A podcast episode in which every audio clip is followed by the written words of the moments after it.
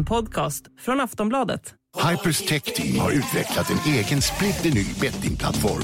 Navigeringen 10 poäng, Bettbilden 10 poäng och oddsen är hypade till max. Upplev vår Next Gen Sportsbook. Ladda ner Hyper-appen idag och känn skillnaden. 18 plus, spela ansvarsfullt. Regler och villkor på hyper.com.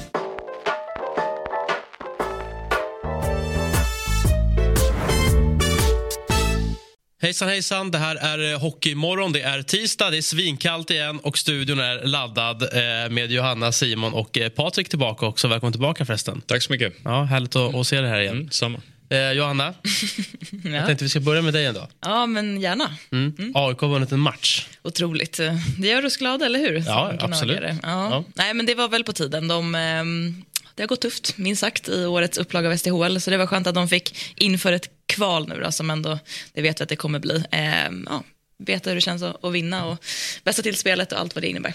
LHC borta ändå, det är ju starkt att vinna den matchen med, med, med 2-1. Ja, LHC är jättebra i år och eh, AIK är en jättebra match. Så det, det ser ändå ljust ut. Eh, Men det kommer bli tufft i år, så hoppas att de ändå kan eh, plocka några poäng till för att förbereda sig ordentligt. Ja, men du lovade ju också seger mot Alltså, Djurgården. det här behöver vi gå tillbaka och kolla på. Det finns ändå inspelat. Jag sa att jag hoppades på det. Det blev det ju tyvärr inte.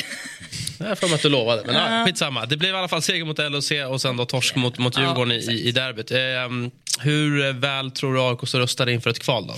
Mm, det är svårt att säga. AIK har ju, eller vi har ju kvalat två år i rad nu och klarat det, men det har ändå varit tajt. Liksom. Och lagen underifrån har ju eh, i år, eller de här åren, eh, bättre budget än AIK.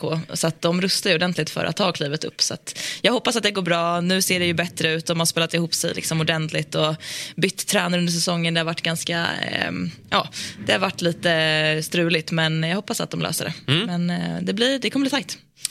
Eh, Patrik, du har varit ute och rest. Ja, varit Thailand, över, eller? Varit över pölen en sväng. eh, nej, men jag var över och kollade lite hockey. Eh, var i Calgary och tittade på Calgary mot Columbus och Calgary mot eh, Chicago.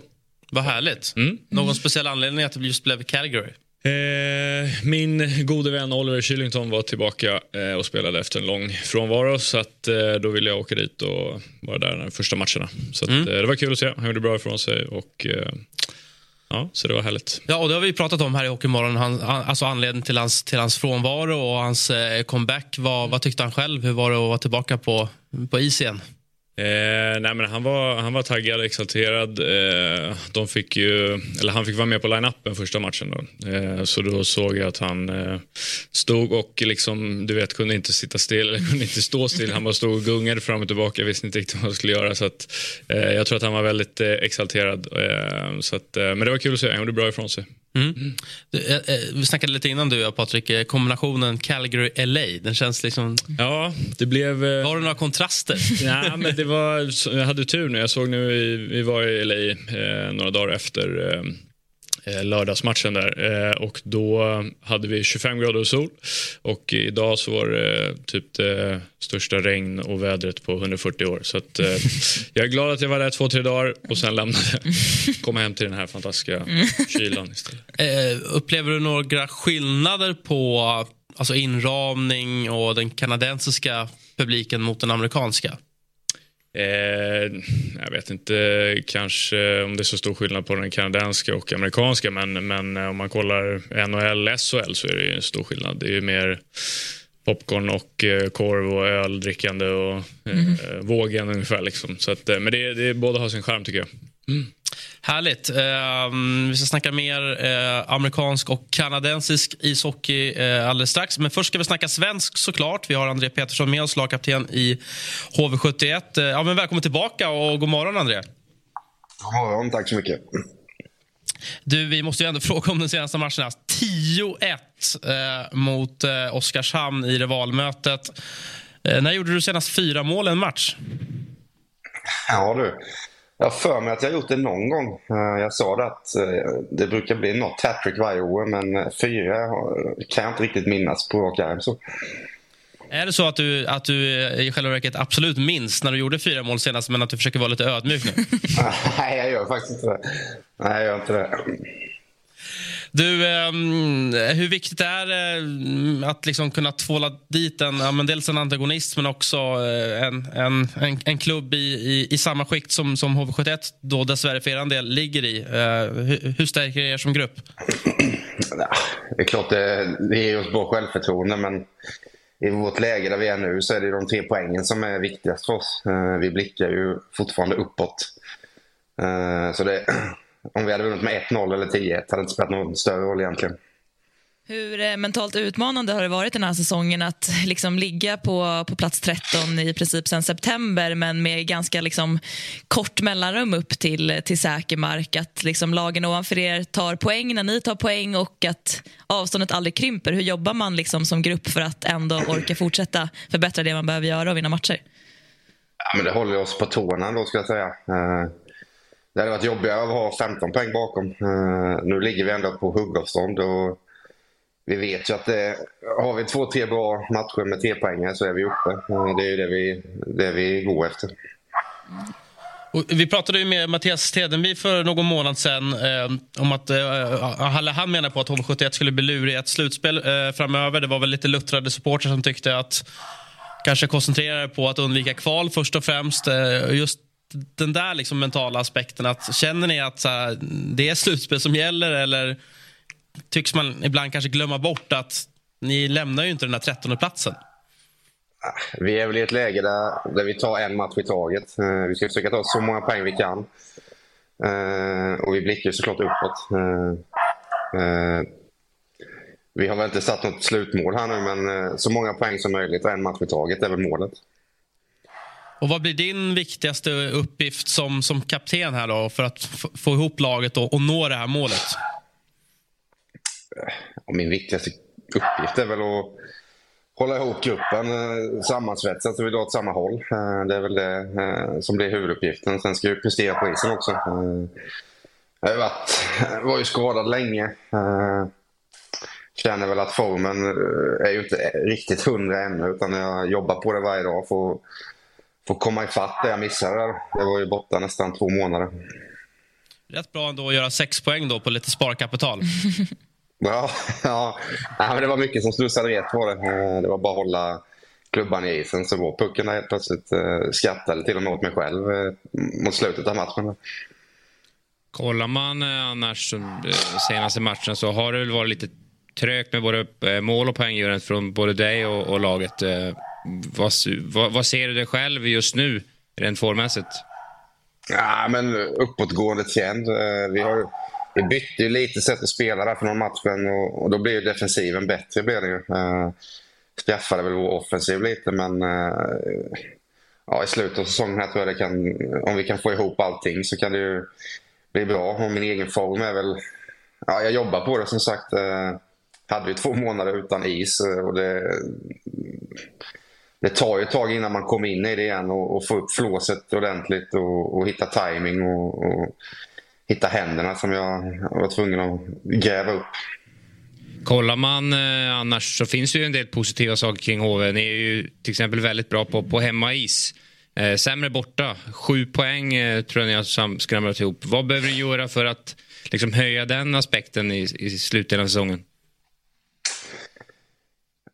Ja, det är, det är inte jättebra med sju poäng på bortais. Eh, jag tror det är mycket mentalt. Eh, eh, man måste liksom släppa hemma eller borta. Det är, inte, det är publiken, det är den enda skillnaden egentligen. Annars är det inte mycket. Man får väl försöka koppla, koppla bort det på något sätt och, och, och fokusera på, på insidan. Liksom att eh, det är 60 minuter hockey. Ja, men André, jag tänkte, du som är kapten har väl liksom en, en roll i laget som också har en del dialog liksom kring eh, ja, men hur tränaruppställningen ser ut och man kanske har ett spelarråd och sådär. Ser du någon stor skillnad på liksom hur eh, spelet såg ut med Thomas Montén jämfört med Johan Lindbom och vad blev, för ni har ändå liksom spelat bättre och tagit fler poäng. Vad var den största skillnaden tycker du från när tränarbytet gjordes? Uh, uff, det är ju länge sedan nu. uh, men vi bytte ju lite spelsystem gjorde vi. Uh, spela lite rakare, lite tajtare i mittzon. Eh, det är så pass länge sedan nu så jag nästan glömt av vad vi gjorde för förändringar. Men eh, vi gjorde en del, förenklade en del saker, eh, vad jag kan minnas. Jag tror jag läste i lokaltidningen att Johan Lindbom sa att ni tränar ungefär 70-80% försvarsspel. Stämmer det? Ja, nu senaste tiden har vi väl gjort det i alla fall. Varit mycket, mycket positioneringar och var man ska befinna sig på isen. Eh, och det är ju rätt grundläggande. Hur eh, förbereder man sig så här inför eh, sista breaket, låt, säga innan, innan sluttampen på säsongen? Jag ser en eh, liten eh, ballong där bak med en femma. Har det varit kalas hemma eller hur, hur förbereder ni sig gubben? Ja, den, är, den är gammal nu faktiskt. Den, den äh, hänger kvar där. Men vi har haft äh, två dagar ledigt här nu. Äh, sen ska vi köra på här i veckan rätt hårt hoppas jag. det är väl det. Förbereda oss fysiskt inför de sista 12-13 matcherna. Och vad skulle du säga talar för att HV71 spelar i SHL nästa säsong? Jag tror att vi kan vi få ihop hela, hela bilden här eh, med både försvarsspelet och eh, mittzon och anfallszon. Vi har, vi har, på papper har vi ett bra lag. Eh, jag tror att det måste släppa lite. Jag hoppas det gjorde efter 10-1, eh, den mentala biten. Att få, få spelare i laget att slappna av och, och spela ut hela registret. Uh, känns lite som tillbakahållet stundtals. Eh, och om det skulle sluta så pass illa att ni ändå får möta eh, Oskarshamn och ni har, ja, men ni har ju 4-0 nu i, i den matchserien och, och kommer från en 10-1-seger. Det misstänker jag väl ändå är väl någonting som skulle kunna tala för er favör om det nu blir ett negativt kval just mot Oskarshamn. Ja, det gör det väl kanske. Eh, nu blickar jag aldrig framåt så, utan jag tar en match i taget. Eh, men eh, om det skulle bli så, så är det ju bästa sju matcher och må bästa lag vinna. Gott så. Eh, stort tack, eh, André, för att du var med oss. Eh, och eh, kör hårt i framtiden med ditt eh, HV71. Jajamän. Tack ska ni ha. Ha det bra. A lot can happen in the next three years. Like a chatbot may be your new best friend. But what won't change? Needing health insurance. United Healthcare Tri Term Medical Plans are available for these changing times Underwritten by Golden Rule Insurance Company, they offer budget-friendly, flexible coverage for people who are in between jobs or missed open enrollment. The plans last nearly three years in some states, with access to a nationwide network of doctors and hospitals. So for whatever tomorrow brings, United Healthcare Tri-Term Medical Plans may be for you. Learn more at uh1.com. Det var André eh, Petersson det som alltså petade in eh, sex poäng på mm. lite sparlåga. Då. Jag har varit borta ett tag. Men alltså, så här, vad har vi säga om Oskarshamn då? Alltså, så här, får man vara så utcheckade i en sån match? Även om det ser ut som det gör i en tabell. Finns det inte lite alltså, heder och, och, och ära i det här eller? Jo, nej men, eh, men ibland så, tyvärr ibland händer så. Det där kan hända nog alla lag. Någon gång åker man på sån här plump och det, det är aldrig kul och speciellt i den sitsen som de är mot just HV71 mm. också. Det ja, det, det är inte kul alltså. Det är väl också lite eh, det serieupplägget vi har. Att, eh, att de kan ju tanka nu egentligen, så det är väl klart det är inte bra för självförtroendet, men eh, de kan ju de kan ju liksom gå lite på sparlåga ett, ett bra tag och börja ladda först i mars. Mm. För de är ju klara för kval. De har varit sedan i september. Ja, nej, jag tycker, ja, det skickar dåliga signaler, inte minst. Och Sen så kanske man vill liksom, i en sån match träna på att spela mot ett lag som man antagligen kommer ja, men det var det jag möta. På, Exakt, sannolikheten att, talar ju för att det blir HV. De kanske gjorde det, men det gick åt helvete. Ja. alltså de bara, nu ska vi verkligen liksom täppa till försvaret här. Eh, men eh, ja, vi får se. Men sen så som eh, Petersson säger, det är ju en helt ny matchserie med nya förutsättningar när, det väl, eh, när pucken släpps. Mm. Mm. Nu ser jag att vi har en ny, en ny ja, gäst, mm. och inte vem som helst heller. Jag säger eh, god natt får man väl nästan säga till Per Bjurman i New York. Eh, hur är läget där borta och är du en, är du en nattuggla? Ja, jag är tvungen att vara det med, med, det här, med den här arbetsuppgiften. Så det, är, det är mitt på dagen för mig. du, eh, hur skulle du säga att läget är borta i, i, i New York? Eh, dels med dig själv, men också eh, hockeymässigt. Ja, ja, jag mår alldeles utmärkt och det beror delvis på hockeyn. Det har ju varit lite uppehåll nu med, de flesta lag har haft så kallad bye week och så var det all star uppehåll. Och nu då ikväll, måndagskvällen, så, så startar vi om. Och eh, efter All-Star breaket, det är alltid då det börjar på riktigt. Liksom. Det, blir, det, det, är en riktig vattendelare i, i NHL-schemat. Eh, först är det väldigt seg serielunk i januari, men när vi har kommit förbi det här så börjar liksom upploppet. Det är nu det, det, är nu det liksom avgörs. Vad tycker du om hela det här äh, upplägget kring All-star-helgen och allt vad det innebär? Äh, är, är det bra underhållning? Behövs den? Eller vad, hur resonerar du kring det? Alltså det, ja, det, för det mesta är det ju inte mycket att se på för, för, liksom för vanliga hockeyfans. Men det, det har tydligen sitt värde då för de allra yngsta fansen. För barn och så tycker det är väldigt kul att komma nära stjärnorna och få en relation till dem. Och NHL tjänar mycket pengar på det. Det är väl framförallt det är framförallt det det handlar om, som vanligt. Mm. Ja, det känner man igen såklart. Eh, mm -hmm. Jag tänker på Rangers då, eh, Bjurman. Eh, vann ju uppstarten här mot, eh, mot Colorado. Vad, vad är det för status på, eh, på klassiska Rangers den här säsongen? Ja, jag tycker att det var en liten skräll. Ja, för de, innan uppehållet här så har de haft några veckor när de har varit riktigt eh, risiga faktiskt. Det ser ut som den här starten, de var väldigt bra i, i oktober, november. Men sen har tappat i slagkraft. Så jag trodde att de var på väg ut för men den här matchen idag när de var utvilade, det, det var en stor positiv överraskning. Att de inte bara slog Colorado utan de var riktigt bra och blev bättre och bättre ju, ju längre matchen led. Det var, det var ett litet statement tror jag bestämt. Till och med det. Eh, ja. Jag tänker på eh, också en snackis. Det var ju Bostons eh, David Pasternak som gick ut i media och pikade eh, Toronto och sa eh, kul att de eh, fick vinna något. Eh, hur har det tagits emot? Jag tror att det var ju rätt mycket med glimten i ögat, så jag tror att de kan ta det. Det, det, det finns ju rivalitet mellan Boston och Toronto sedan nästan ett sekel. Så att, det har sagts värre saker än så, skulle jag vilja påstå. ja, det har det garanterat. vad, eh, vad säger vi eh, om, eh, om Per Bjurman i New York? Det är en kollega ändå. Ja. Du har ju drömjobbet, det vill jag bara få sagt. hur, hur, många ja. år är det du har bevakat NHL från New York nu och hur många matcher ser du liksom live varje säsong? Ja, det är faktiskt 19 år nu. Jag kom, jag kom hit efter den stora lockouten då. Eller, jag, jag trodde bara jag skulle vara här ett år. Det första NHL-jobbet jag gjorde det var presskonferensen när de ställde in den säsongen. Och det kändes ju inte som så bra timing. Men sen kom Henke Lundqvist på den hösten då därpå, när de började om igen. Och sen dess har jag hållit på med det här. Och eh, ja, hur många matcher jag ser live på en, på en säsong. Det är de flesta här i New York-området. Och sen en väldig massa i slutspelet. Så ja, 60-70 80 live-matcher per säsong blir det väl. Mm.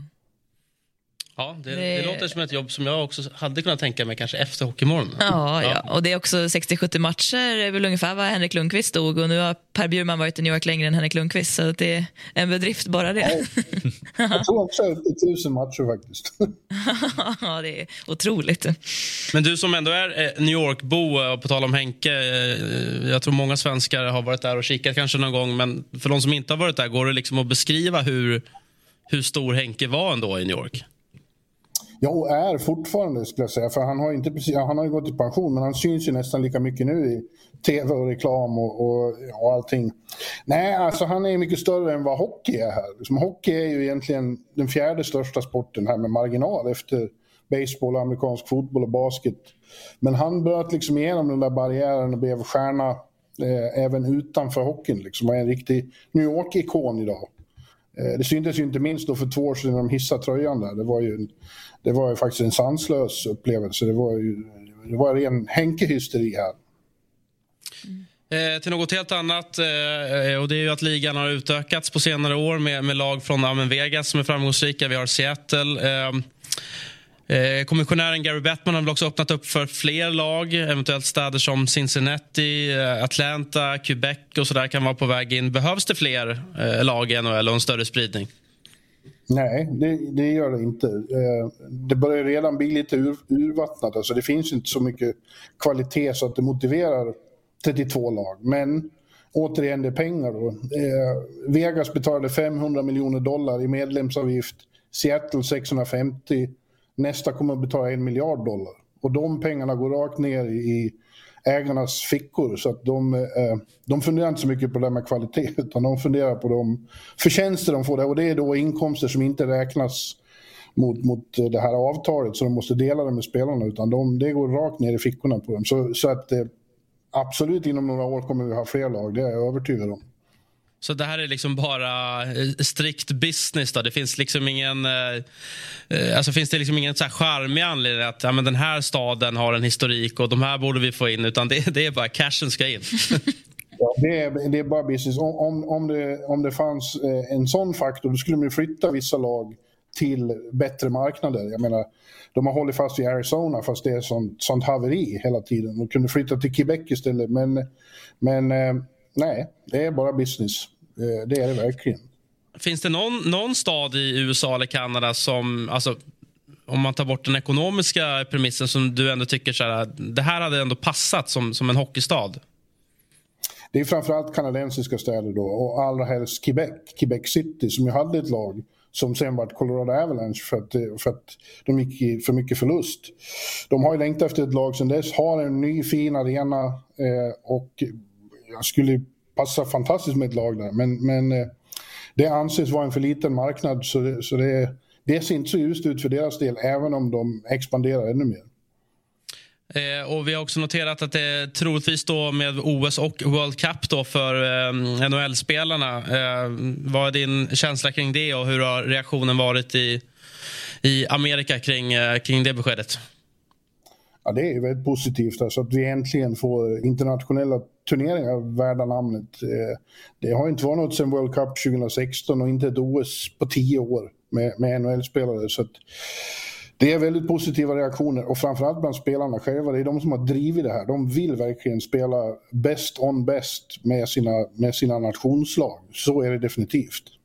Mm, och, och, på tal om det så eh, rapporteras det också om den här fyra nationsturneringen med USA, Kanada, Sverige och Finland. Är det, är det så att NHL börjar släppa lite på tyglarna här nu?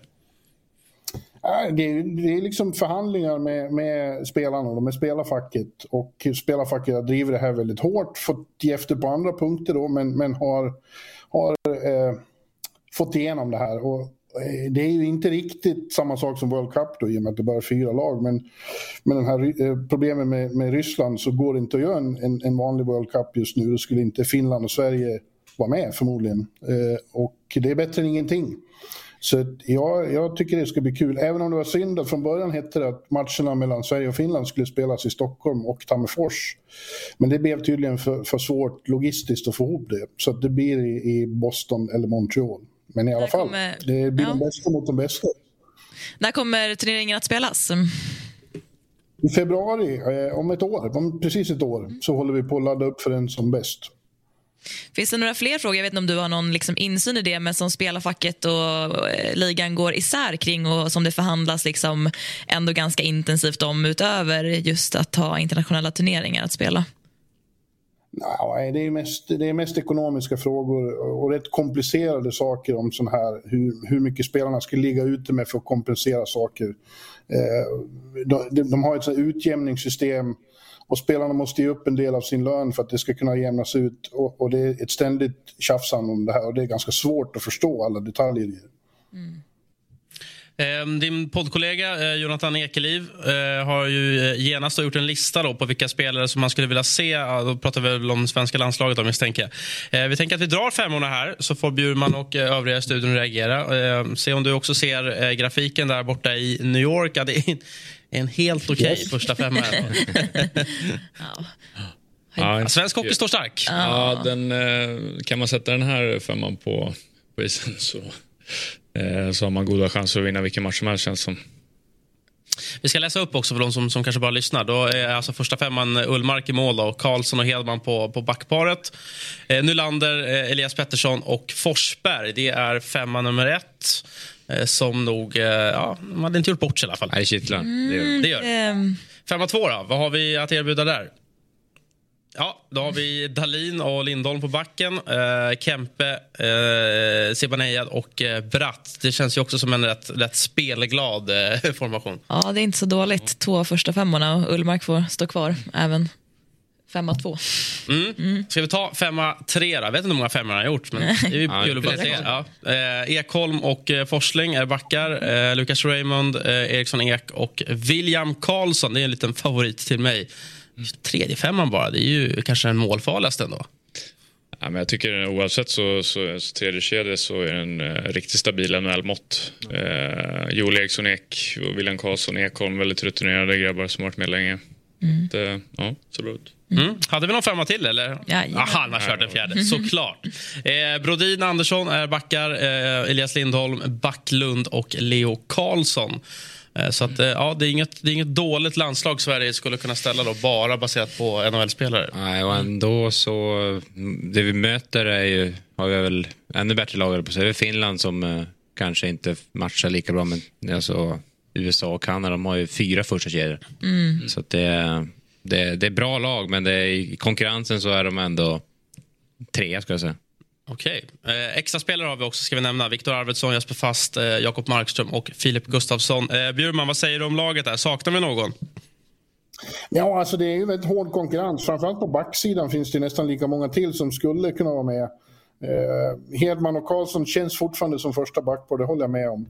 Men eh, eh en sån som eh, Adam Larsson i Seattle är väldigt bra. Jonas Brodin, fantastiskt bra. Eh, så det, det, där finns det verkligen alternativ för, för eh, Sam Hallam. Eh, kedjorna, ja de skulle väl ungefär se likadana men vi kan ju få med Gabriel Anderskog också. Han, han verkar ju vara på väg tillbaka så de flesta tror att han kommer att spela med Colorado i slutspelet och i så fall så kanske han är redo för, för eh, den här turneringen också. I så fall tycker jag han ska in. Hur långt tror du att ett, ett sånt här Tre Kronor skulle stå sig i en turnering mot den bästa versionen av USA och Kanada? Ja, men rätt så bra. Jag tror att de, är, eh, de där två första kedjorna är fruktansvärt giftiga och vi har definitivt lika bra backar som de andra, det tycker jag. Eh, de, med, alltså det blir mycket dagsform och så. Men chansen har de absolut. Eh, jag tycker till exempel vi har mycket bättre backar än Finland. Det litet problem för Finland är att det får bara, kommer bara vara med NHL-spelare här. Då. Det är ett rent NHL-evenemang. Och de har inte så jättemycket backar här. Eh, så att eh, vi har klar fördel mot dem. Och på målvaktssidan, hur står Sverige sig där tycker du?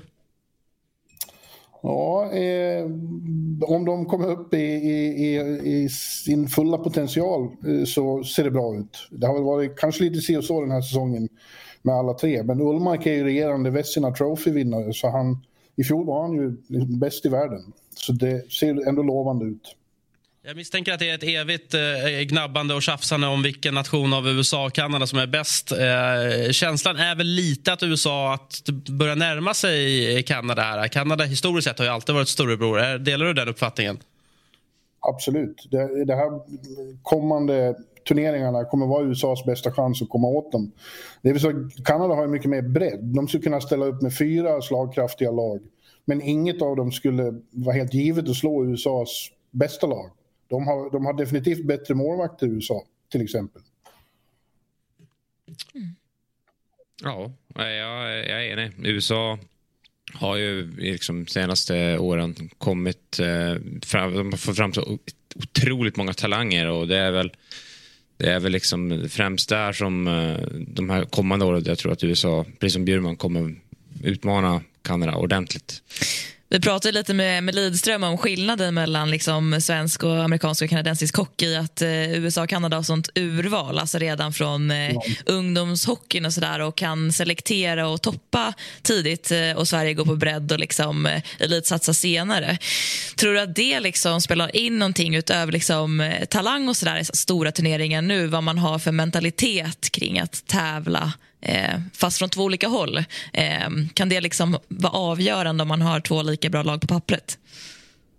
Ja, ja jag vet inte. Jag, jag tror att de här eh, killarna som har kommit så här långt och kommit hit av svenskarna, då, de har rätt sorts mentalitet. Liksom, eh, och, och, det är väl det som gör intryck på en att alla är, så fruktansvärda, har sån fruktansvärd tävlingsinstinkt eh, och vill vinna. Och de påminner mer om särskilt de unga som kommer upp nu, de påminner om kanadensare liksom, i, i, just det. I att, I att de hatar så mycket att förlora så det inte går att prata med dem efteråt. Eh, och att de, ja, de, känns, de känns som de har fått, i, fått det i sig från början. Eh, till sist då, Burman, med, med din eh, ja, nästan 20 år långa erfarenhet av hockeyn i New York. Många svenskar åker ju över vill se en match.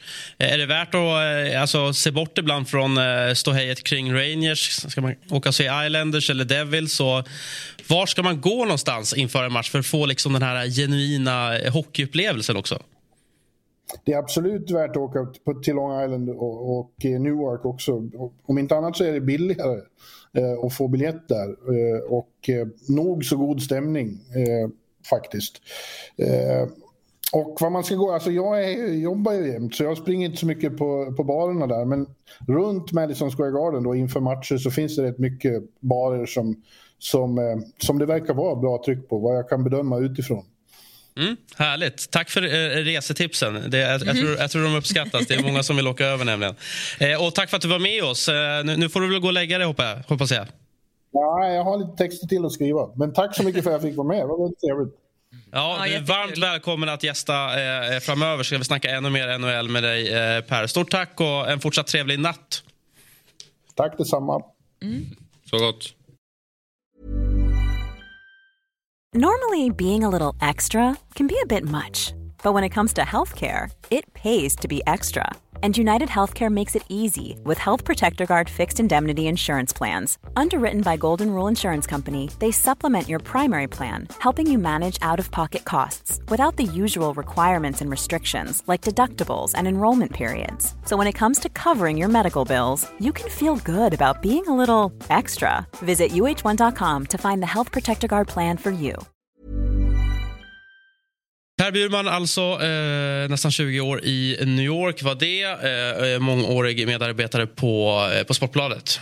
Ja. Mm, och en av eh, liksom, ikonerna får man ändå säga. Ja. Så är det. Vi, jag har bara träffat honom i, i, liksom, i verkligheten två gånger. Mm -hmm. eh, två, Han kommer aldrig hem. två, två sommarfester. Men, eh, men vi, eh, vi är med i en eh, fantasyliga NHL så, som vi gnabbas lite i. Men det, det är den relation vi har. Men han är ju liksom en levande legendar. Så att, eh, Vinner han den fantasyligan eller? Han börjar bli bättre men han... Uh, han Snyggt. Han, ja, nu kom han, till, han är tillbaka. Exakt. Jag tänkte att du, du svarar med att säga... Han börjar bli bättre. Och i, år, I år leder han faktiskt. Så att, ja, ja, ja, ja. ja härligt. Fan, vart du rädd att du behövde stå till svars? På riva studion här. Ja. Det, det, är för övrigt om ni hör massa ljud också. Någon som håller på att riva saker utanför. Här. Det, det är det som är ljudet. Vi ska ta oss till lördagens SHL. Det var övriga matcher då förutom HVs slakt av Oskarshamn får man väl ändå säga att det var något liknande då. Eh, Färjestad som pulveriserade stackars Modo borta med, med 6-0. Modo börjar kännas lite som ett lag som är på väg nedåt mm. i lite fel timingmässigt också på något sätt. Ja, eh, och jag ska inte hämta hem något där men jag var ju tidigare redan i, i höstas med att det brukar vara så för nykomlingar. De brukar öppna pikt och glatt och så. Sen har de, de, de har ju typ en allsvensk trupp så att, att man faller tillbaka är inga konstigheter. Tror de är sämst i ligan nu sista 20 matcherna.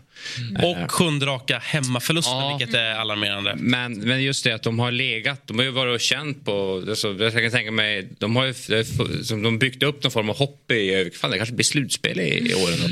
Och så nu börjar det dala och mm. Jag ser det som oundvikligt att HV kommer springa om det faktiskt. Med tanke på hur illa det ser ut. Ja, verkligen. Tappar också 15 mål i målskillnad. Alltså det ja, en också, omgång. Ja, exakt. Ja. det, det kan ju också bli avgörande i slutändan. Absolut.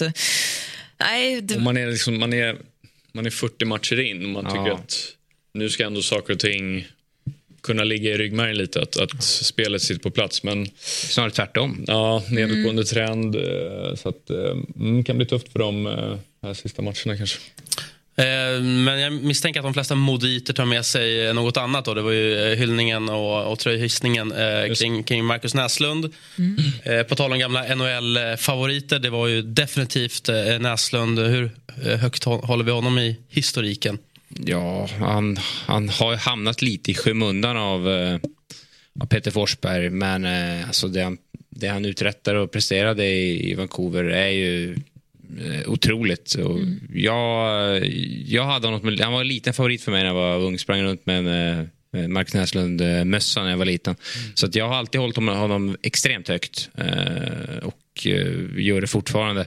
Det är väl just i, han, alltså efter karriären har det har väl liksom inte blivit så mycket. Han var sportchef där i Modo ett tag och sen så känns det som att han, till skillnad från Foppa, har en annan medial Liksom, han syns inte så mycket, Näslund och sådär. Eh, vilket är Förståeligt kanske, men eh, jag tycker han är lite bortglömd. Därför eh, är det fint att de, att de hyllar honom på det sättet. Eh, Bilden vi såg där precis nu med Foppa, Näslund och Sundström. Lite orent att, eh, att de har tryckt in rundblad mellan dem. Jag fattar inte, jag bara, "Men varför står han? Var det, var det någon Patrik du hann spela mot eller med? Ja, jag spelade eh, 09-10 där. Mötte både Foppa och eh, Näslund. Eh, men Näslund, likt så att det var en stor, eh, stor idol, men lite i det tysta kanske. Jag tror inte han fick tillräckligt eh, Nej. mycket cred här hemma kanske, från den breda fronten. Men i NHL var han ju otroligt uppskattad. Mm, ingen tröjhissning ska vi notera. Fan. vad, sa vi? Förtjänstvepa. Förtjänstvepa, exakt. det, det var ett nytt ord man fick lära sig så här tidigt på morgonen. Ja, det är, det är ändå fint att de hyllar sina gamla hjältar tycker jag. Eh, och det, han uträttar kanske inte jättemycket i Modo men eh, han är ju liksom en eh, ambassadör för, för Övik och, och Mod- Modo Hockey. Även fast som sagt han har stått i Foppas skugga i, Ja. i, i alla tider. Sen tror jag att de, han är en del i, eh, eh, gör ganska mycket affärer och sånt eh, runt omkring i staden och hjälper till att bygga och växa Örnsköldsvik. Så att, eh, han är nog uppskattad där uppe. Vad tycker du om honom i Tre Kronor då, om du har någon uppfattning? Eh, nej, men det, var ju också, det var ju så många otroliga stjärnor som kanske var mer utåt sett så medan eh, han kanske inte fick lika mycket beröm men eh, skulle nog ha eh, mer än, eh, om inte lika mycket som alla andra. Vi lämnar eh, Övik, eh, tar oss till eh, Göteborg, Frölunda eh, som fortsätter att vara ett av seriens absolut formstarkaste gäng. Eh, avgör väl i första perioden här med eh, 3-0 på en kvart mot eh, Luleå. Eh, ja, Frölunda eh, nämns allt mer nu, eh, just för att de också har liksom prickat in lite så slutspelsform ja, men i en rätt bra timing med ja, men 12-13 matcher kvar. Ja, de har väl varit ett av ligans bästa lag egentligen sen, sen årsskiftet. Alltså det, Den beryktade alpresan. Ja, de, var, de var i Davos, ja. det, det har väl inte gått någon eh, om, om intet, eller på att säga. Men, eh, nej, men då, Frölunda är ju jäkligt jobbigt lag att möta när, när liksom trummar igång på alla fyra kedjor. Alla, alltså, har de ju lite spets i eh, Malte Strömvall som trycker dit puckarna. Och, Alltså, Friberg är hur bra som helst. Eh, Lasse Johansson i mål. Han är, får väl kanske inte... Han spelar otroligt mycket, men han kanske ändå inte får det erkännandet han, han förtjänar. Han är ju... Match in, match ut så gör han ju liksom matcha under räddningar och, räddar dem många gånger ibland. Men de, nej, jag, jag tycker att de ser otroligt bra ut. Eh, faktiskt otäckt bra ut. Ja, nej men de har ju, nästan hela truppen har ju en otrolig rutin också. Och de, ja, nu börjar det närma sig där det verkligen gäller och det känns som att de verkligen steppar upp. Jag kollade för övrigt eh, matchen eh, mot Luleå och det var lite, man ser lite på slutet, det var lite slutspelskänslor. Eh, med lite grinigt motstånd så, att, eh, så det var kul att titta på. Eh, det blev en ganska jämn match ändå. Eh, men Frölunda var otroligt starka. Ja, och Luleå då, Patrik. Olausson tillbaka. Men har, har, har Luleå någonting i ett slutspel att göra som, som du ser på saken? Eh, absolut ett slutspelslag. Eh, får vi se lite. Vi har väl en deadline som kommer upp här snart. Eh, det brukar alltid finnas resurser där uppe i norr så att, eh, får vi se om de eh, hittar någonting att eh, förstärka laget med. Men självklart ett lag som ska vara i slutspel i, i min bok. Mm, jag tycker även Brodecki har ändå hittat en, en bra plats där och börjat prestera så som ändå han kan alltså, till sin fulla kapacitet. Så det, det är glädjande för dem, även om det inte är en direkt ersättare för Mario Kempe. Så, Men vi, vi sa det också, att Luleå har vässat sin prestation ett par snäpp också just sett i slutspel när de möter Leksand där uppe, att de är ett så jävla grinigt lag. Eh, och samma sak med, med Frölunda, kanske inte lika griniga, men de vet exakt hur de ska spela eh, just när matcherna blir så pass... Eh, alltså det adderar någonting, just eh, vad som ligger i potten liksom, på något sätt. Ja, nej men och sen så det, Luleås styrka är väl att de är så, många säger att de spelar tråkigt och det är defensivt så, men det finns ju en otrolig styrka i det. Men sen måste du göra mål framåt också. Det är väl, jag menar, deras eh, grundspel sitter väldigt starkt och defensiven är väldigt trygg men måste göra fler mål och det är väl där de vill addera kanske. De, de, Framåt. de gör ju för lite i, i fem mot fem, för lite mål framåt eh, och powerplay funkar inte riktigt heller. Men om de kan plocka fram den här ilskan de hade mot Leksand. Den var ju Hur långt kan de brutal. gå i ett slutspel? Går de att räkna bort eh, helt eller de, vad, vad tycker du? de har ju för, för tunt lag. Det är ändå som du säger. Niklas Olausson och Adam Bräck i all ära. Det, de har ju kommit in och gjort det jättebra men det är ju liksom det är ändå breddspelare de har, de har plockat in och de har ju, till skillnad mot de lagen framför dem så har de ju, de har ju för lite spets. De, har, de har väl gått runt sista veckorna här på typ en, två centrar eh, i och med att eh, Johanne Tyrväinen varit skadad.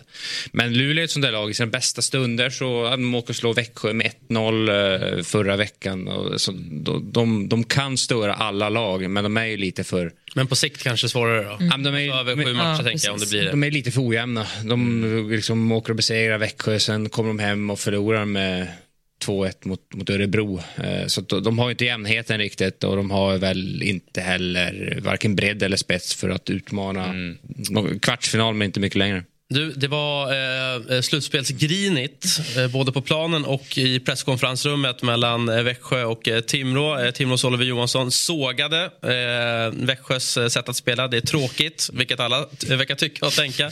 Jag vet inte om det är så jäkla tråkigt. De vinner ju och tar sina tre poäng. Är det tråkigt verkligen? Alltså det, det är väl lite förlorarmentalitet av eh, Oliver att och, och gå ut och tycka att eh, Växjö spelar tråkigt. Och det är väl det bästa, liksom, det, det bästa kvitto man kan få. Ja, men- va- så här, vad, vad, är det som, vad är det folk tycker är tråkigt? Nej, men det är det enda man kan säga om Växjö när de är bra både framåt och bakåt. Liksom. Det är lite i brist på liksom, konstruktiv kritik för att de är alltså, bra både defensivt och offensivt. Ja, jag tror det han syftar på är att de eh, vid tillfällen kan stänga igen eh, mittzon helt och hållet och då kanske det uppfattas som att de backar bak men egentligen så är det en, en del i deras eh, spelsystem och kunna vända pucken och sen gå vidare men jag tror väl att det är där han eh, tycker att det kanske är lite tråkigt. De är ganska bra på att kväva sina motståndare. Men kollar du, alltså jag tror det är bara Färjestad som gjort fler mål. Eh, jag tror till och med, i och med att Färjestad kvällsmatchen mot Modo, hade de inte gjort sex där så tror jag Växjö hade gjort mest mål i, i ligan. Så det, det, det är ett målglatt lag. Ja, det finns ingen brist. där. Men eh, det är väl just det där som säger att de, de Ja, nej, kväver motståndarna lite. Exakt, och det är, ju, det är ju ett sätt för dem att bygga sin offensiv ifrån. De kan kväva mittzon men sen är de väldigt snabba på att vända spelet och bli jättefarliga framåt. Så att, eh, det kan nog vara ganska svårt som motståndare att försöka sicka sig igenom det där. Men, eh, Men Hade man, ni som har spelat eh, på hög nivå, hade man en uppfattning ibland kring att vissa lag var tråkiga att möta? Och vad var det som gjorde dem tråkiga? Var det just för att de inte bjöd på så mycket ytor? För det, det, så här, kontexten blir ju så här... Vad ska de göra då? Ska de bjuda? Ska de, ska de öppna upp mittzonen då och bli roliga? Eller vad, vad är det vi pratar om här? Nej, men det är svårt och liksom, det blir svårare att spela mot ett sånt lag som är väldigt puckförande och liksom kontrollerar spelet över hela banan på det sättet. Så det är väl mer kanske frustrerande och det i sin tur gör det liksom tråkigt eh, på något sätt. Men eh, det är så bra lag måste, måste spela på något sätt. ja, alltså jag spelade ju i Luleå och jag, alla tyckte att det var eh, svintråkigt att möta oss men jag tyckte det var svinkul för att vi, vi kunde vända pucken och gjorde det snabbt och mm, passade mig väldigt bra. Men jag tyckte inte att det var ett tråkigt sätt att spela utan det var ett ganska smart sätt att spela. Eh, men eh, ja, det är väl alla, alla lag har ju någorlunda olika eh, spelsystem men eh, säger över ligan överlag så är det ju att folk ska åka så mycket som möjligt och åka på allting. Och vissa lag kanske har förstått att markera lite annorlunda och, och ändå vara framgångsrika. Mm. Eh, och jag nämnde också eh, grinigheten eh, på presskonferensen. Eh, Ante Karlsson tyckte ju att det var lite filmningar i, eh, i Växjölägret. Eh, varpå då Jörgen Jönsson svarade eh, med att ifrågasätta Ante Karlssons attityd. det här älskar man ju. Jönsson, han känns som liksom, eh, förskolläraren som... eh, eh, Det känns inte som att man brusar upp så ofta. Nej, han eh, känns väldigt eh, sådär... eh, Kan, kan trycka till eh, Ante lite grann. och Ante är lite mer eldig och lite mer på instinkt. Men eh, ja, så Ante Karlsson, jag, jag tycker han är uppskattat inslag i SHL för att han, han pratar ofta med känslorna utåt och är ganska grinig emellanåt och det, det tycker jag är härligt. Sen, det där är väl vad det är liksom. Ja, nej, men det där, jag tycker det där, som sagt, det är roligt med de här presskonferenserna. Det, eh, när det är två, två headcoach som inte riktigt tycker samma sak eller så vidare och ska gå igenom matchen. Så jag tycker det kan bli eh, ofta spännande diskussioner eh, och lite små sköna pikar och påhopp här och där. Så att, det bygger ju känslor antar. Ja, det är uppfriskande. Ofta blir det bara att man avhandlar en ganska liksom så mediatränat, om man säger så. Men det är kul när det, när det händer någonting. Lite ny Mats Valtin, Ante Karlsson i, i SHL, känns det som. Annars känns ju alltså just med liksom simuleringar och filmningar att hockeyn ofta har varit ja, men rätt befriad från det. Men eh, upplevde ni också att, att det har liksom börjat smyga sig in lite? Kan man, ser man direkt så här, att det där är filmning? Jag vet, det är svårt. Ja. Det är klart, det är en väldigt tydlig filmning. Då är det svårt att säga någonting annat. Men eh, ja, det går fort där ute. Man reagerar olika. Ibland kan det bli att man kanske blir rädd och slänger bak ett huvud. Och det är kanske, ja, ser man det på bild så, eh, så kanske det inte ser så snyggt ut. Men det kanske är en helt mänsklig reaktion. Jag vet inte. Men, men eh, det är klart att eh, hockeyn tidigare har varit bra på att, att eh, inte ha så mycket eh, filmningar. Men det är klart att det, det har blivit en del snack här senaste säsongerna om, om både, jag vet inte, Shin- Shinnimin har väl haft en 10-12 stycken känns som, som har blivit snackisar. Men eh, det blir väl också vad man vill prata om. Det, det, ja. Förhoppningsvis så, så blir det inte så mycket framöver. Nej, men jag tror inte det där var filmning heller, om jag ska vara helt. Nej, så att, nej, jag tror inte det. Klassiska pikar mot det mest framgångsrika laget helt enkelt. Ja, så är det. Ja. Ja. Losersnack sa du. Ja, Bra det- sagt. Losersnack, Ja. absolut. Det, Hitta ett sätt att vinna istället. Exakt. Nej, men jag tycker det. det känns, alltså, det jag tycker härligt att han säger det han säger, Oliver, men det är också det är lite, lite förlorarmentalitet. Ja, men just att de också har gjort eh, eh, ja, men, näst flest mål. Det är ju en sak om man har taskiga siffror på, på det offensiva och ändå har så många poäng. Men det har de ju inte. Nej. Så att jag är team Växjö där, helt enkelt. Eh, Linköping-Rögle ska vi ta såklart också 2-1 där till, eh, till Rögle som, som fortsätter att göra lite mål eh, senaste matcherna men tar lite poäng här nu. Det är ju alltså åtta matcher i, i följd utan att göra mer än två mål i en match. Eh, vi får gå tillbaka till 11 januari när vi gjorde fem mot Timrå. Men här lyckas man ju faktiskt vinna. Ehm, och, eh, Peter Kvartsa gör ju en kalasräddning här i slutet eh, och räddar ju den segern. Eh, LOC då, eh, börjar bli lite, lite problem här nu. Och inte bara eh, på plan utan även eh, på läktarhåll. Ja, exakt. De verkar ha lite eh, konflikt med sina supportrar där. Och, ja, det verkar som att de också inte har toppat formen lagom till slutspel. De har gått väldigt starkt hela hösten och börjar nu tappa greppet om topp sex ändå. Och det hjälper väl då inte att man... Ja, de spelar väl inför helt tysta läktare om jag inte... Ja, men precis. Det var ju en publikprotest då som Linköpingsgrupperingarna White Lions och eh, mina favoriter Tifo Linkopia genom, genomförde då 60 tysta minuter i protest riktad mot säkerhetspersonalen i arenan och eh, avstängningar som har drabbat ett antal ledande supporterfigurer. Eh, och då tycker de här grupperna att det, att det är orimliga eh, avstängningar. Då. Så att, eh, ja, det, det stormar väl lite grann. Nu, nu har det väl också eh, rapporterats om att, att det har rökts lite, lite fredspipa. Men... Eh, väldigt sällan man, man ser det här. Och det, det, det är väl eh, liksom, eh, framförallt att det är en hel match där, där de väljer att vara tysta. Och, eh, så här, det, det, är, det är svårt och det är svårt att liksom på något sätt eh, pe, peka på vad, vad som är rätt och fel här. Och, alltså, jag kan tycka eh, supportrar, eh, de, får, de får tycka sitt och det, det är liksom eh, jag ska inte gå och säga vad de ska göra och inte göra. Det som är väl lite anmärkningsvärt här är väl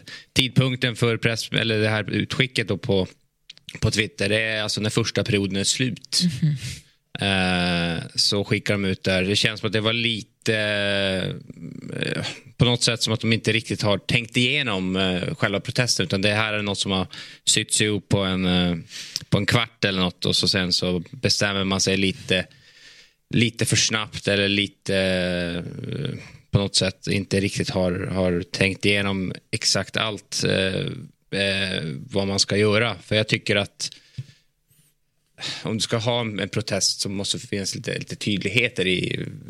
Alltså de är tydliga med vad de protesterar mot men just så här att, att det är bara tyst när matchen börjar och sen så, så kommer en pressskick efter en period. Det, det blir... Jag kan tänka mig alla som står på läktaren i Linköping, vad fan är det som händer? Det, nej, det, det känns som att de hade kunnat göra det snyggare. Även fast jag Uh, inte riktigt vill gå emot var, varför de, att, att de protesterar. Det, vill, vill de protestera så gör det, men uh, var lite tydligare. Mm, ja, men jag håller med. Det blir ju, de säger ju för sig också att eh, det kommer att drabba Linköping eh, sportsligt. Men eh, jag vet inte, liksom, de beskriver inte heller att de har tagit andra åtgärder innan. Att det här skulle då vara liksom det sista eh, åtgärden som man gör för att man inte känner att någonting är ett resultat. Det är lite det också, att det kommer liksom lika abrupt. Eh, ja, eller lite för abrupt helt enkelt. Så jag vet inte.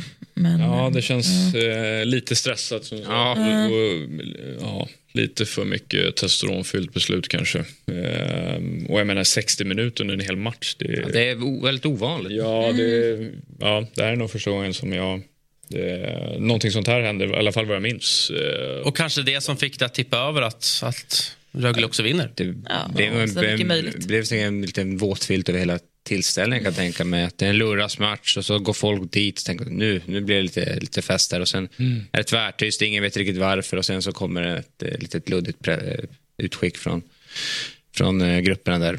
Eh, ja, eh, svårt att liksom Ja, och även klubbdirektören Carl-Johan Stålhammar uttryckte besvikelse i korren eh, över den här protesten. Eh, men han har också meddelat att det som sagt har haft möten och att mm. det, det tycks ha varit ett positivt möte. Så det, det verkar inte kanske vara en en långvarig konflikt. Nej, vi hoppas att det, att det, att det går att lösa och att de på något sätt kanske kompromissar lite, lite båda två. Eh, vi behöver en levande supportkultur. Eh, det är det som gör, gör hockeyn, eh, eller idrotten överlag. Mm. Eh, idrott utan supportrar är ganska tråkigt. Så jag förstår deras tanke med att nu tystar vi ner och visar. Mm. Eh, alltså, jag förstår protesten men det är väldigt ovanligt att du är tyst så länge. Mm. mm. Så är det. Eh, vi, har sökt Stålhammar, eh, ska vi säga, men utan eh, framgång. Men vi följer upp såklart vad som händer framöver. då. Linköping som annars har en fin publiktrend också. Som de, de har fått lite drag. Ja, de har ju fått det. Mm. Så det, det, det, det, kom lite otajmat kanske. då. Mm. Ja. Vi tar eh, Skellefteås eh, seger också mot eh, Malmö. En svängig match där eh, lagen turades om i ledning. Skellefteå avgjorde eh, i övertid. Eh, Malmö då med lite positivare trend om vi ser till bottenstriden. Ja, Händemark har ju varit jättebra på slutet. Det är, det är viktigt för dem att eh, när de har haft lite skador att han, han kliver fram får en pinne mot, mot Skellefteå som var... I normala fall, hade inte Adam Werner stått på skallen så vinner Skellefteå det där med tre, fyra, fem puckar.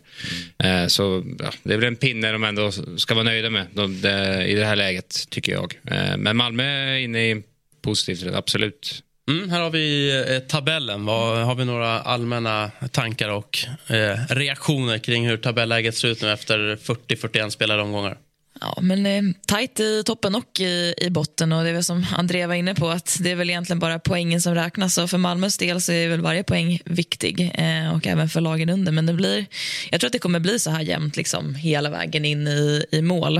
Eh, bara Oskarshamn som ja, liksom är avhängda. Eh, och Leksand och Linköping har väl tacklat av lite. Och, um, så där verkar det vara lite formsvacka även i Leksand som vi inte har pratat så mycket om kanske. De gick ju otroligt bra precis eh, innan och efter jul. Mm, det känns som att vi börjar ha en eh, klar fyra ändå. Eh, jag tror att de där lagen som är topp fyra nu kommer, kommer sluta där. Växjö lär väl vinna serien. Eh, sen tror jag att det finns sjok där 5 till, till eh, 7, 58 om Luleå kan blanda sig i. Eh, som gör upp på topp 6. Och sen så något av de där lagen lär väl sticka eh, säkert och landa hyfsat mjukt ändå. Men eh, det blir ett race. Det kommer bli ett jäkla race i, i botten där mellan HV, Modo, Malmö eh, och något lag till där. Mm. Vi har eh, eh, morgonens eh, sista gäst med oss. Det är Björn eh, Wettergren. Jag hoppas i alla fall. Nu vart bilden mörk här. Svart. Nu. Där, men härligt. Björn Wettergren från situationsrummet. God morgon. Välkommen till Hockeymorgon. Hur är läget? Det är bra. Hej. Jag ska nämna också att du, att du är ju domarchef. Jag misstänker att du har att göra. Eh, det är mycket åsikter naturligtvis eh, kring, kring domare. Jag är ju personligen alltid lite på domarnas sida för jag är ju själv eh, fotbollsdomare. Va? Och jag, jag, jag påstår att det är väldigt många som inte kan reglerna. Det är de man dömer efter. men beskriv först innan vi går in på de här specifika situationerna Björn, men lite kortfattat vad, vad ditt arbete går ut på. Uh, mitt arbete? Ja, men jag är ju domarchef i Hockeyallsvenskan och det går väl ut på att uh, försöka hålla ordning på, på de allsvenska domarna helt enkelt. Uh, och det är allt från uppföljning under säsong, coachning under match, scouting för framtida domare och sen är det mycket samverkan såklart med både SHL och Svenska Hockeyförbundet och, och annat. Det är ju, domarverksamheten är ju lite större än det som syns bara på match, så att säga. Eh, och många situationer är det ju att, att, granska. Den som kanske är mest aktuell kring då, eh, senast eh, i tiden då är Östersund-Djurgården. Eh, där eh, Djurgården trodde att man hade gjort 2-2. Eh, och det trodde väl kanske de flesta, men det dömdes bort. Eh, om du tar oss igenom just det beslutet som ändå har blivit väldigt liksom, omskrivet. Vad, vad i den situationen eh, är det som, som ni ser eh, gör att det ska dömas bort? Eh, till att börja med kan man säga att situationen som sådan var ganska enkel för oss. Det, det som blir fel är ju kommunikationen till Djurgården från domarna. Eh, där det blir eh, väldigt otydligt vad som har hänt. Så jag förstår, jag vill börja där, jag förstår att att det finns en frustration eller att det fanns en frustration kring, kring vad som hände. Det, det var väldigt otydligt. Eh, men, men, rent bedömningsmässigt, det som händer är att eh, vi har en, en Djurgårdsspelare, Brodin, som, som skymmer målvakten. Eh, och det får man göra, men han gör det inne i målområdet. Eh, och det får man inte göra. Eh, så att eh, man, man, får... Man får vara i målområdet tillfälligt, man får skymma i målområdet om man gör det tillfälligt, till exempel att man passerar framför målvakten när skottet går. Däremot får man inte ta position och så att säga uppehålla sig eh, i målområdet. Eh, gör man det eh, och på så sätt stör målvakten så, så kommer det bli underkänt och det var det som hände.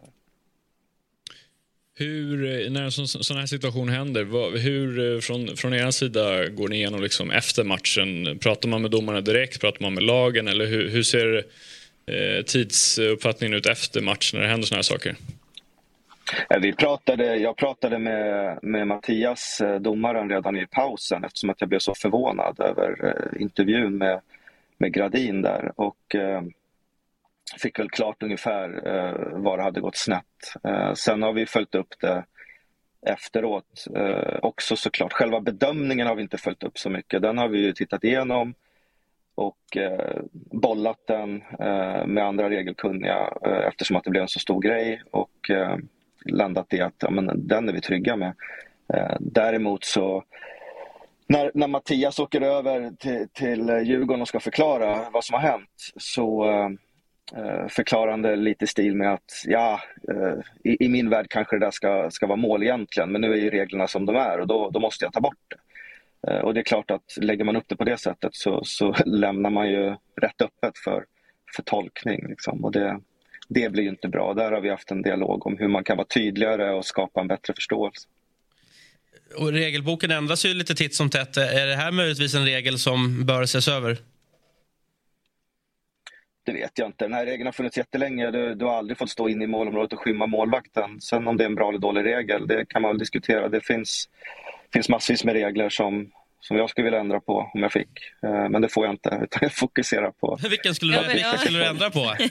Du får, du får carte blanche här och ändra på lite carte grejer. Ja, nej, men alltså det, det, finns väl mycket. Jag till exempel tycker att eh, slagsmålsregeln är, är för strikt. Jag tycker att det är bättre på andra sidan Atlanten där man har lite mer eh, möjlighet att Eh, balansera matchen eh, utan att det går överstyr såklart. Eh, det finns andra saker också som jag skulle vilja ändra på. Men nu, nu, har vi de regler vi har och de ska vi följa och sen så får vi försöka lägga våra personliga värderingar åt sidan.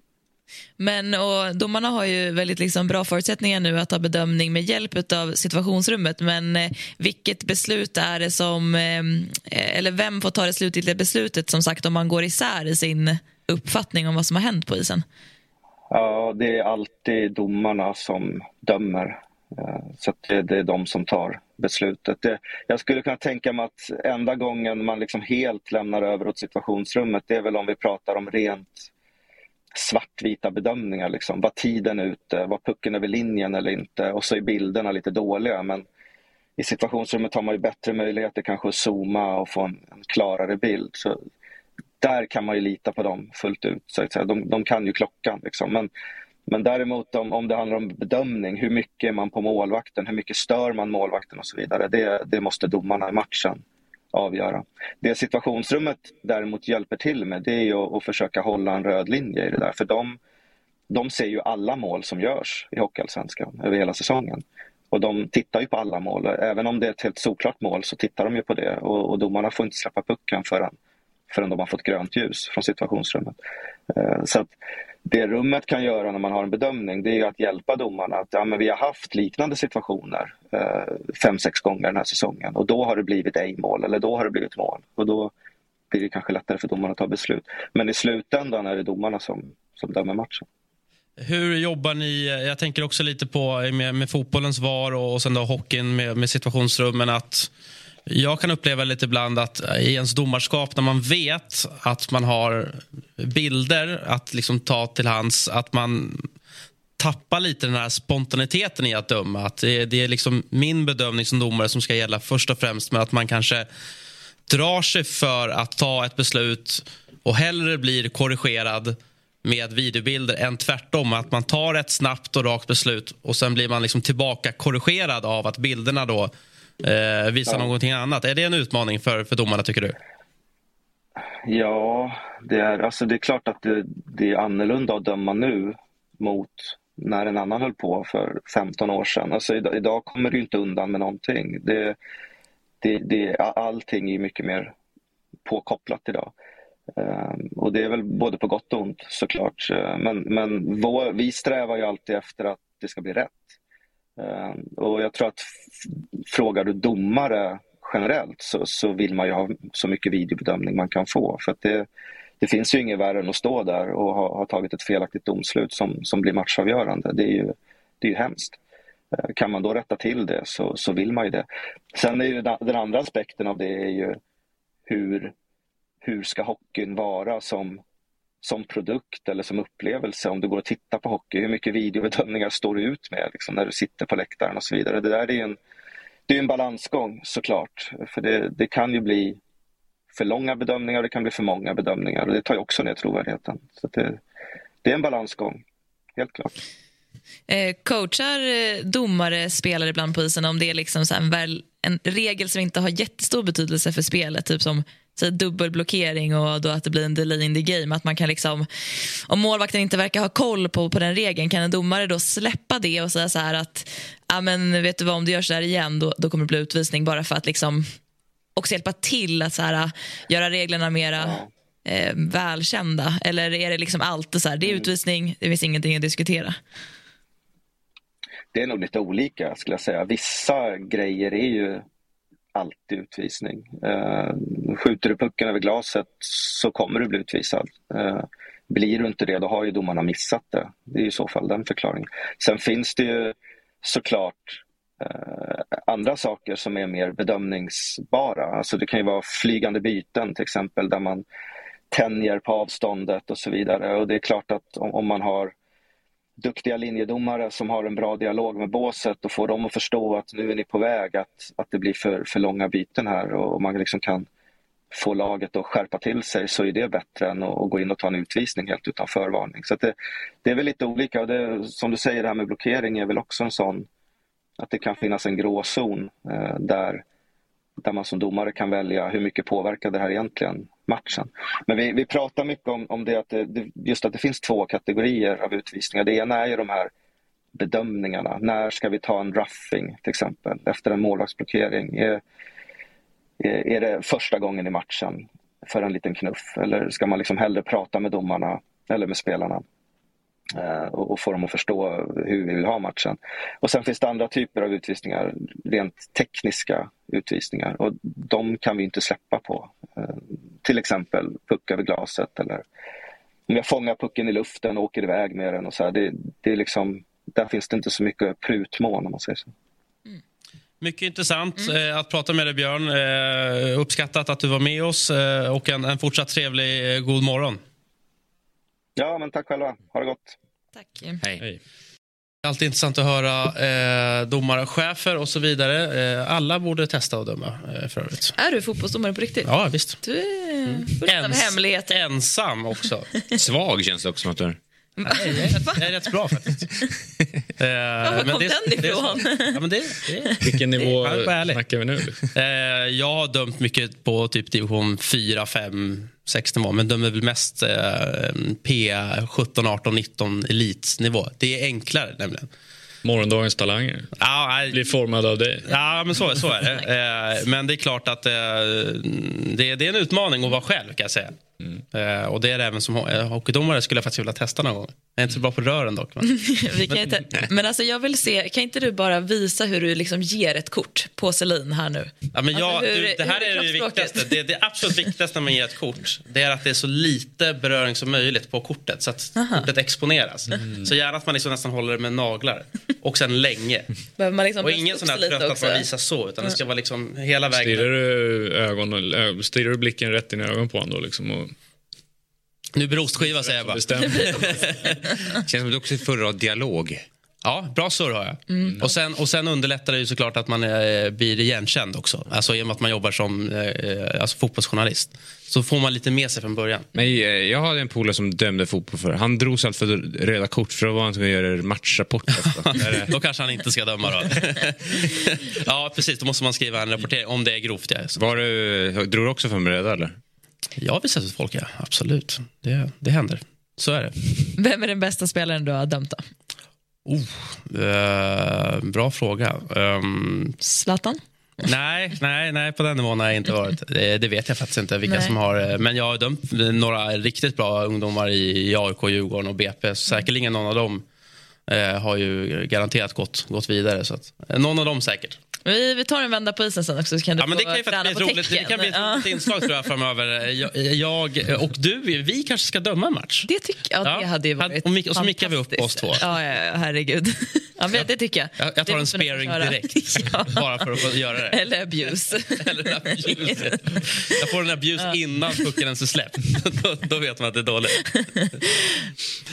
eh, vi ska avsluta bara lite kort med, med Hockeyallsvenskan. Eh, eh, och, eh, Björklöven som ändå har dippat rejält eh, visar nu allvar med 5-1 hemma mot Brynäs. Men det är ett sånt där lag också som de, de kan slå alla men de kan också förlora och att förlora mot Östersund, eh, Västervik. Ja, vilket de har gjort också. Exakt. Eh, opålitliga, otroligt opålitliga men eh, jag tror det är inget lag som direkt känner att Björklöven vill möta i ett, ett slutspel. Det är ett, ett lag som inger lite respekt men eh, de är för sva- lite för svajiga för att det ska kännas som att de är en riktig utmanare till Brynäs. Mm, men känslan är att de har fallit på målsnöret liksom nu ett, ja, fyra säsonger i rad åtminstone. Där. Att de hade ju egentligen närmast chans när eh, säsongen blev inställd under pandemin. Men hur håller du det här eh, årets upplaga av Björklöven liksom för, en, för en uppgång? Eh, kommer det liksom räcka jämfört med tidigare år? jag, jag vet inte om jag har rätt man att svara på det men, men eh, alltså, Svara nu. Jag vet ju att per, per Kente kommer dra något S ur rockärmen här, ta in någon, nå- säkert något, något till innan deadline stänger. Eh, sen, sen vet jag, alltså, de har ju de har ett par bra gubbar som kommer ju, som har varit med förr. Weigel, Rahimi, eh, eh Alexander Wiklund är ju skitbra, så har de ju liksom Kirke och gänget. Men eh, ja, alltså eh, får de, får de ihop alla bitar kan de absolut eh, utmana, men jag tror som sagt att de är lite för ojämna för att gå hela vägen. Vad tror ni om Svedberg i målet? då? Han gjorde en otroligt bra match med några riktigt liksom, spektakulära räddningar. Kommer han eh, utmana första spaden nu, eh, Waterlinen, eller eh, blir det... Eh, det tror jag nog. Det är nog en skön känsla att kunna gå in med fler alternativ eh, på målvaktssidan. Eh, men vem vet, ta in Svedberg kanske blir det stora genidraget. Eh, vi måste också ta upp eh, Södertäljes då, eh, Marcus Eriksson. Eh, eller kanske snarare Vita Hästens Marcus Eriksson. Eh, han blev, ja, han blev hyllad av båda klubbarna efter att ha tagit rekordet. Då. 411 poäng är det nya rekordet. Ja. Eh, sedan Hockeyallsvenskan bildades 2005 och petade hon ner Henrik Björklund, eh, BIK-ikonen, eh, till en andra plats. Eh, det här har ju varit eh, ett av säsongens bästa nyförvärv. Ja, absolut. Och att han fortsätter gå från eh, Vita Hästen och ny, ny klubb och pendla, va? Han sa han Ja. här med oss. Ja. Och fortsätter att leverera. Och släpper han halvvägs efter bortamatcherna. Men, Nej. nej. nej, men det är otroligt imponerande och stort grattis. Ja, verkligen. Och lite revival ändå för Storstockholmshockeyn. Ja. Med tanke på tabelläget Djurgården, SSK, AIK som ändå skuggar Brynäs. Det tycker jag är lite coolt som stockholmare. Eh, och nya segrar blev det också både för AIK som eh, bröt eh, Moras imponerande svit Mm. på, på nio raka hemmasegrar. Trots att det, alltså, det saknas ju en drös spelare. Och nu var ju också Norman eh, beordrad att vila så Andreas Bosson kom in från Forshaga i Hockeyettan och gjorde en bra match. Eh, och så Djurgården då, som, som tar Tingsryd. Så att, jag skulle nog säga att något av de här tre lagen det kommer bli boogie-teamet tror jag. Eh, och kommer att få möta Brynäs tror jag i, i en final. Mm, ja, jag håller med. De, eh, Jag hittar- bort Löven. Ja, ja, du gjorde det bara kallt. Nej, men absolut, och, eh, alla lag har ju verkligen visat att de kan hitta sätt att vinna eh, utan sina liksom, bästa spelare på pappret. Och plockat upp, eh, Djurgården har också plockat upp en eh, målvakt från Hockeyettan och det är jäkligt kul att de får komma in och liksom visa att de kan eh, spela på en nivå högre. Så att, eh, ja, det kittlar lite för, eh, för alla oss som gillar Stockholmshockeyn. Ja, och sen blir det otroligt spännande att se här vad som händer innan, innan deadline. Vad, vad som finns där ute och vilka eh, sportchefer som lyckas eh, landa någonting riktigt bra. Eh, men eh, som djurgårdare så, så tycker jag att det ser bra ut. Som eh, AIK-are också. vill du se en förstärkning till Djurgården? Ja, nej men eh, man gjorde en otrolig insamling här. Jag vet inte hur många miljoner, två miljoner närmare i alla fall, eh, på bara någon vecka. Så att, eh, förhoppningsvis så kan man väl hitta en eh, stark spets, kanske till och med två forwards skulle jag vilja se. Men, men eh, en, en back och en forward med bra internationell nivå hade ju varit kanon. Tror jag. Vi surrar mycket om att det är tunt på marknaden, ehm, för att det känns som det. Men har du någon, har du någon spelare så här på rak arm som du bara, det här vill jag rekommendera till alla Sveriges sportchefer? Eh, nu satte du mig på plats. Ja, jag fattar det. Men jag kan inte heller Nej, namedroppa någon jag- däremot. Outa Nej, jag kan inte... Jag kan inte exakt. Nej. mina, chans, eller mina, mina sources här. Men, eh, nej, men förhoppningsvis så, Mm. eh, så är det väl någon sportchef som lyckas trolla fram något riktigt bra Mm. som kan bli avgörande här i slutet på säsongen. Och, och eh, avslutningsvis, onsdagsomgång gäller. Det är ju en match som sticker ut och det är ju Brynäs-Djurgården naturligtvis som, som kommer sätta lite ton där för slutskedet av, av Hockeyallsvenskan. Ja, nu när vi är så djupt in i säsongen så tror jag ändå att eh, nu börjar det också bli lite revirpinkande tror jag inför, inför det som komma skall. Så jag tror det kan bli lite, lite småhett faktiskt eh, på, på isen och även på, på läktaren förhoppningsvis. Så det är en match man ser, man ser fram emot. Bry- eh, Brynäs säkert eh, lite uppjagade efter 1-5 mot Löven. Ja. Ja, kanske börjar bli lite orolig ändå. Vi får se vad, vad sportchef Alsen också, om han eh, kan tänka sig att agera här nu. Eh, är det 15 februari som, som det stänger? Ja, Tror jag. ja det det stämmer. stämmer. Nästa vecka. Så är det. Eh, mera hockey blir det då eh, och eh, mera hockey blir såklart i det här programmet Hockeymorgon som vi tackar för att ni har tittat och lyssnat på. Tillbaka på fredag.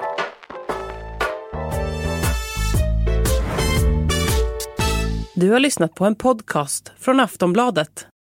Ansvarig utgivare är Lena K Samuelsson.